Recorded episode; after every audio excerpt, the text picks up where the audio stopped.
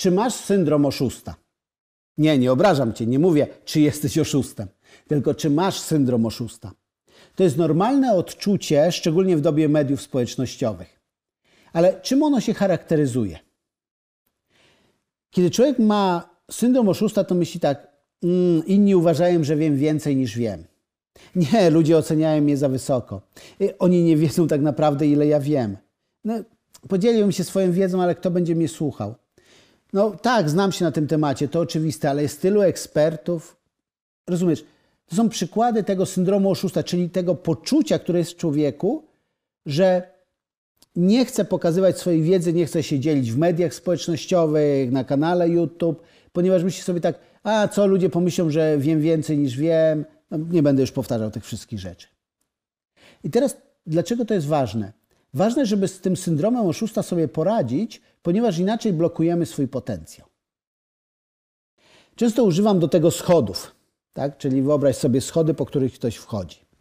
I teraz na górze tych schodów, tam gdzie dochodzisz, jest światowej klasy ekspert, czyli ktoś, kto jest uznawany na całym świecie jako ekspert w danej dziedzinie, a poziom zero tych schodów to, są, to jest człowiek, który nic nie wie na ten temat. I mój ulubiony przykład, kiedy pracuję z kimś, i, czy jeden na jeden, czy z grupą, czy warsztatowo, i pokazuję im, jak zarabiać na swojej wiedzy, jak zbudować markę ekspercką, to mówię tak, wyobraź sobie, że ktoś jest na poziomie zero, czyli na przykład to jest podstawówka i matematyka, a ktoś jest na pierwszym stopniu, czyli jest, dawniej używałem tego przykładu, gimnazjum. Tak?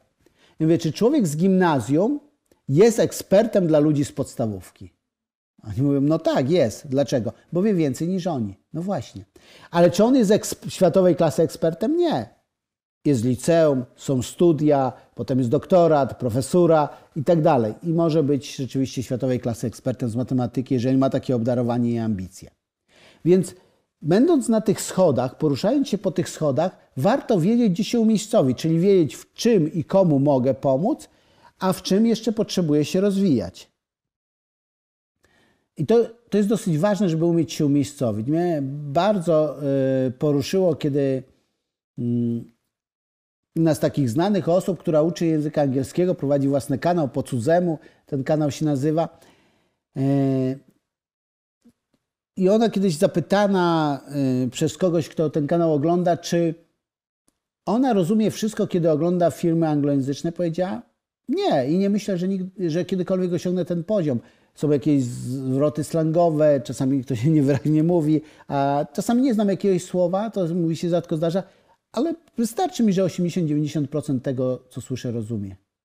Pomyślałem sobie, wow, to jest niesamowita osoba, która tyle wie, tyle umie, tyle potrafi i ma taki autorytet do innych, widzi, że ma przed sobą jakąś drogę, jednak to nie powstrzymuje ją od tego, aby dzielić się z innymi tym, co już wie.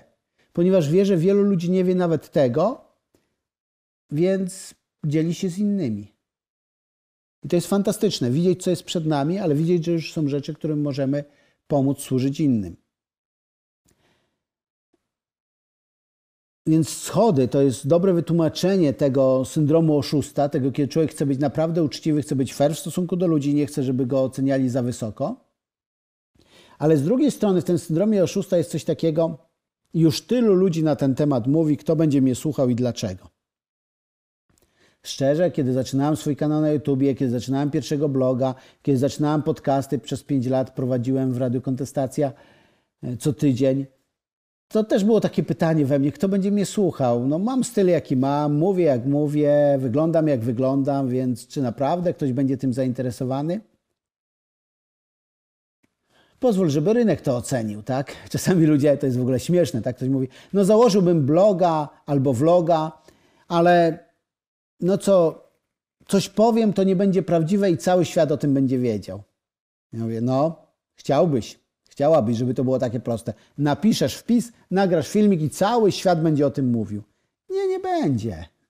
Jeżeli nie będziesz tego robił regularnie, to może nawet nikt nie zauważy. Natomiast dlaczego warto się dzielić, chociaż tylu ludzi na ten temat mówi? Czy o syndromie oszusta jestem jedynym, który mówi? Nie, też gdzieś o tym usłyszałem, zbadałem temat. E, zobaczyłem, w jaki sposób zrozumienie tego tematu pomaga mi i teraz dzielę się z Tobą. E, o co chodzi? Każdy ma swój styl i jeden styl dotrze do ludzi, a drugi nie. Są ludzie, którzy pamiętam taki warsztat, który prowadziłem, gdzie na 8 osób, bo tyle mieliśmy miejsc na warsztacie, 6 osób przyjechało z zagranicy, Polacy, ponieważ ja prowadziłem ten warsztat. I człowiek, który mieszkał dwie przecznice dalej, którego zaprosiłem bezpłatnie na ten warsztat, nie przyszedł, ponieważ ja prowadziłem ten warsztat. Więc kiedy w swoim stylu będziesz się dzielił tym, co dzielą się inni, to jedni cię pokochają, a inni cię odrzucą. No tak będzie, tak? Natomiast jeżeli nie będziesz nic robić, to dla wszystkich będziesz obojętny. Więc wybór jest prosty.